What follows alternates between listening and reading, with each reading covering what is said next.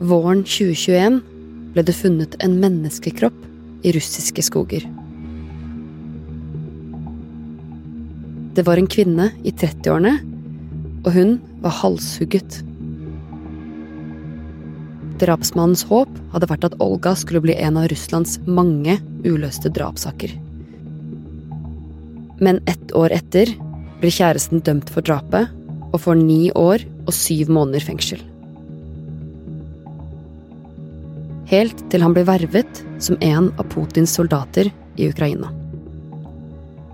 Og i forrige uke kom han hjem som en fri mann og en krigshelt. Du hører på Forklart fra Aftenposten, en podkast der jeg forklarer én nyhet i hver episode. I dag om de brutale soldatene Russland henter fra fengsler, og hva som skjer når de kommer hjem fra krigen som frie menn. Jeg heter Jenny Førland, og i dag er det onsdag 23. august.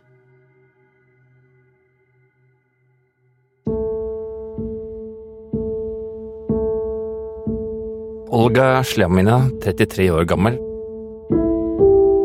Mor til en sønn. Hun kom fra en liten landsby ved Arkangelsk, som ligger omtrent 70 mil fra den norske grensen i Nord-Norge. Hun jobbet i butikk, var med i skjønnhetskonkurranser, ble faktisk nesten kåret til skogens dronning i, i Arkangelsk. Men eh, vennene så jo at hun ofte kom eh, på jobb med eh, slag, merker etter mishandling. Og til slutt så sa hun til sine venner at hun skulle forlate sin kjæreste, og det likte han ikke. Og kort tid etterpå så forsvant Olga. Moren etterlyste henne, og i mars 2021 så ble hun funnet drept og halshugget i skogen. Per Anders Johansen er utenriksjournalist og har vært Moskva-korrespondent her i Aftenposten. Og jobben hans nå er bl.a. å finne og fortelle disse sterke historiene fra Russland og Ukraina. Ja, Gjerningsmannen hadde da rett og slett uh, spredd hennes kroppsdeler forskjellige steder for å gjøre det vanskelig å finne ut hvem det egentlig var. Så etterforskningen gikk uh, sakte, som mange andre krimsaker i Russland. Og i 2022 så ble da altså ekskjæresten eh, Vjatsjeslav Samoilov dømt for dette drapet. Han fikk en dom på ni år og syv måneder under av ekstra strengt fengselsregime. Men så kom invasjonen av Ukraina i fjor vinter. En krig som Putin ville vinne raskt, men som ikke gikk helt etter planen. Så derfor måtte han lete etter flere soldater. Da, da, Putin så at krigen gikk dårlig og Russland led svært store tap, hvor de mistet mange av sine mest profesjonelle, erfarne soldater, så innførte man da mobilisering i fjor øh, høst, hvor øh, flere enn tusen russere ble kalt inn til øh, til eh, krigen. Men i tillegg så begynte man å lete både høyt og lavt etter soldater andre steder. Og Wagner-hæren eh, fikk eh, tilgang til fengslene, og det begynte den russiske hæren også å gjøre. Rett og slett plukke ut fanger, tilby dem benådning og sende dem til fronten. Men hva betyr det for Vjatsjeslav? Etter å ha sonet syv måneder i fengsel, så fikk Vjaseslav besøk i fengselet av offiserer fra den russiske hæren. De tilbød han enn en å bli vervet, skrive kontrakt, og det sa han ja til. Og dette er egentlig ganske vanlig. Omtrent 15% av fanger i russiske fengsler har blitt sendt til fronten. Og Putin lover å benåde alle fanger som verver seg. Ved fronten blir noen av dem drept, andre skadet, og så sendt hjem. Per Anders, hva skjedde med Vjatjeslav? Ifølge moren til eh, Vjatjeslav, som er blitt intervjuet av eh, lokalavisen i Arkangelsk, som først meldte om dette, så var han eh, tre måneder ved fronten. Da ble han skadet i armen og havnet på sykehus. Og i forrige uke så kom det da frem at han var kommet hjem til Arkangelsk, og etter da, til tross for at han bare for kort tid siden drepte og halshugget sin kjæreste, så er han nå en krigshelt. Han er veteran, han er ganske rik etter russisk målstokk, og dessuten har han krav på millioner av rubler i pensjon og sosial støtte. Men hva forteller den historien her oss, da? Dette er bare en av mange historier som vi ser nå komme frem rundt rundt omkring i ulike russiske byer. Vi har sett en rekke eksempler på at drapsdømte kommer nå tilbake fra fronten som krigshelter, men også andre kriminelle som har begått grove voldshandlinger og andre forbrytelser. Og den ene saken er jo mer grovere enn den andre, og det spesielle med akkurat denne saken, er at det var ikke en Wagner-soldat, altså dette var en eh, Vyacheslav ble vervet til den regulære eh, russiske hæren, og nå er han en helt. Noen av disse kommer hjem til normale liv mens andre setter blodige spor på små russiske lokalsamfunn.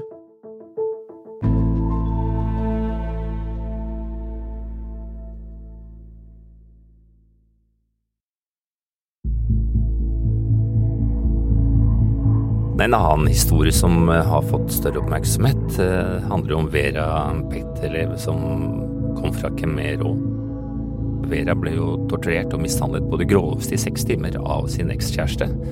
Eh, naboene ringte til politiet syv ganger. Ingen kom, og til slutt så var det familien som de fikk tak i, som måtte sparke opp døren og fant henne død. Hun ble et symbol på hvor dårlig beskyttelse mange kvinner i Russland har mot mishandling og grov vold og drap. Og så, eh, bare for noen uker siden, så dukket det da opp bilder av drapsmannen som eh, hennes slektninger og foreldre trodde satt i fengsel. Nå poserte han med våpen og uniform ved fronten i Russland og smilte sammen med sine medsoldater. Foreldrene har jo sagt at de eh, kunne ikke tro det de så. De var helt sikre på at en en drapsmann som hadde begått en så grufull handling, ikke skulle slippe fri. Men, eh, men der tok de feil. Denne historien ble veldig kjent i Russland.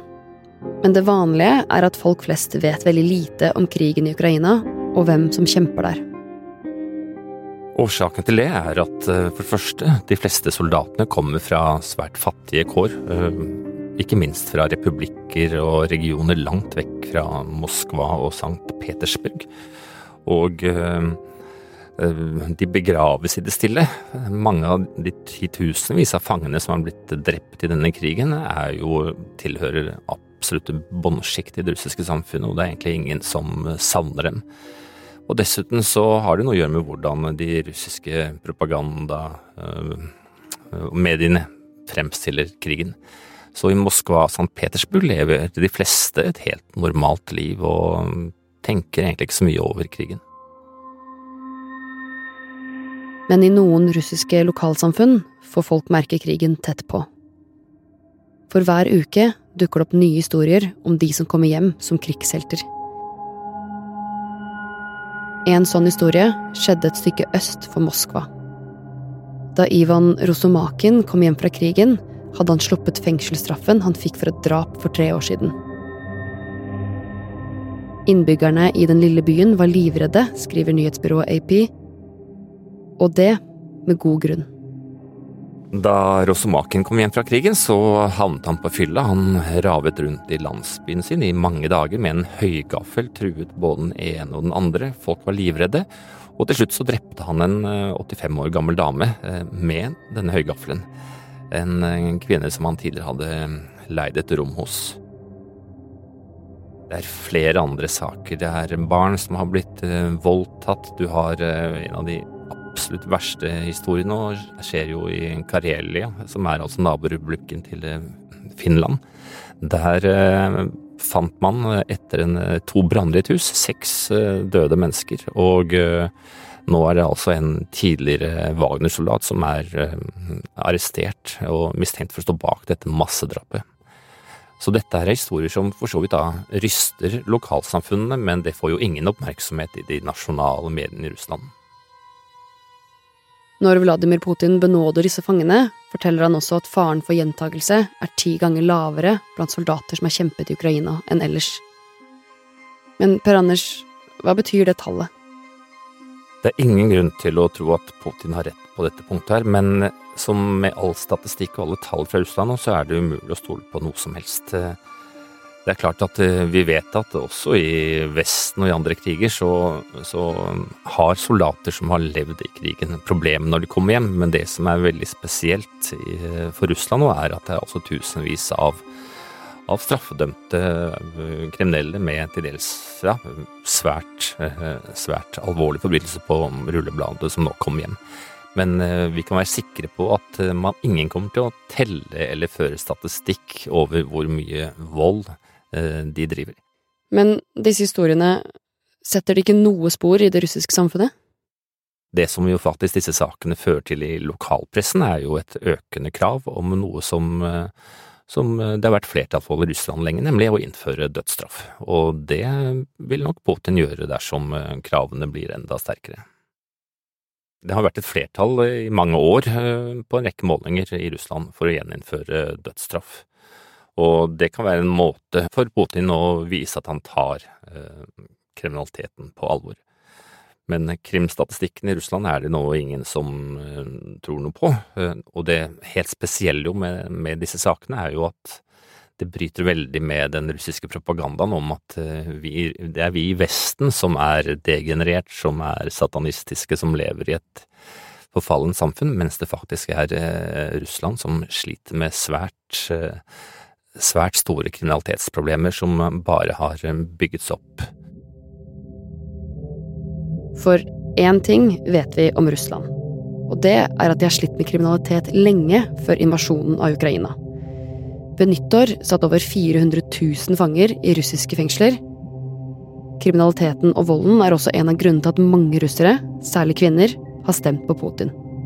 Det nok en del russere tenker når de opplever kriminalitet eller hører historier som dette her, er at Russland trenger en sterk sentralmakt. Man trenger en sterk mann i, i Kreml som, som, sørger for å si, få, få ting på plass.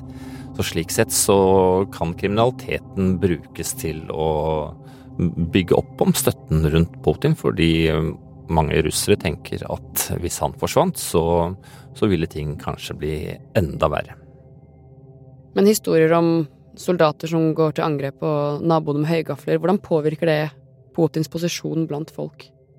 Ja, denne historien er det ikke så veldig mange andre enn de som bodde i landsbyen og naboområdet som vet noe om. Antageligvis får de mer oppmerksomhet her i, her i Vesten. Det er ikke noen nasjonale medier i Russland som ville fortelle om den historien, for det ville bryte helt med det nyhetsbildet som de blir diktert å fortelle hver eneste uke øh, fra Kreml. Så vi kan være helt sikre på at russere flest ikke kjenner til de historiene vi har snakket om her. Så kan det her ende opp med å styrke Putin eller svekke ham? Vi ser jo stadig etter eh, nærmest Vi håper å se eksempler på at Putin svekkes i det russiske samfunnet, og det ser vi dessverre ikke veldig mange tegn til. og denne, disse eksemplene, eller eh, denne frykten som dette skaper hos uh, russere, kan Putin bruke til å, også styrke sin posisjon, f.eks. hvis han gjør alvor av å gjeninnføre dødsstraff, eller på andre måter eh, gi inntrykk at han nå skal eh, være en sterke mann og, og sørge for å slå hardere ned på kriminalitet.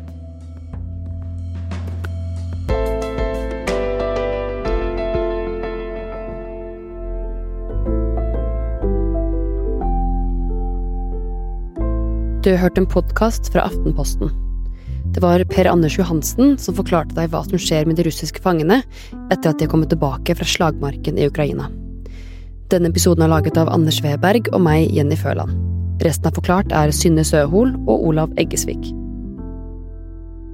Og som du kanskje hørte i pausen, så kommer det en ny sesong av Dypdykk i Podmy. Den går i dybden i fenomener i tiden vi lever i, altså mekanismene bak konspirasjonsteorier og det norske strømmarkedet. Og nå får du som forklartlytter prøve Podmy gratis i én måned med rabattkoden DYPDYKK. Den kan du bruke om du besøker podmy.no for å bli abonnent.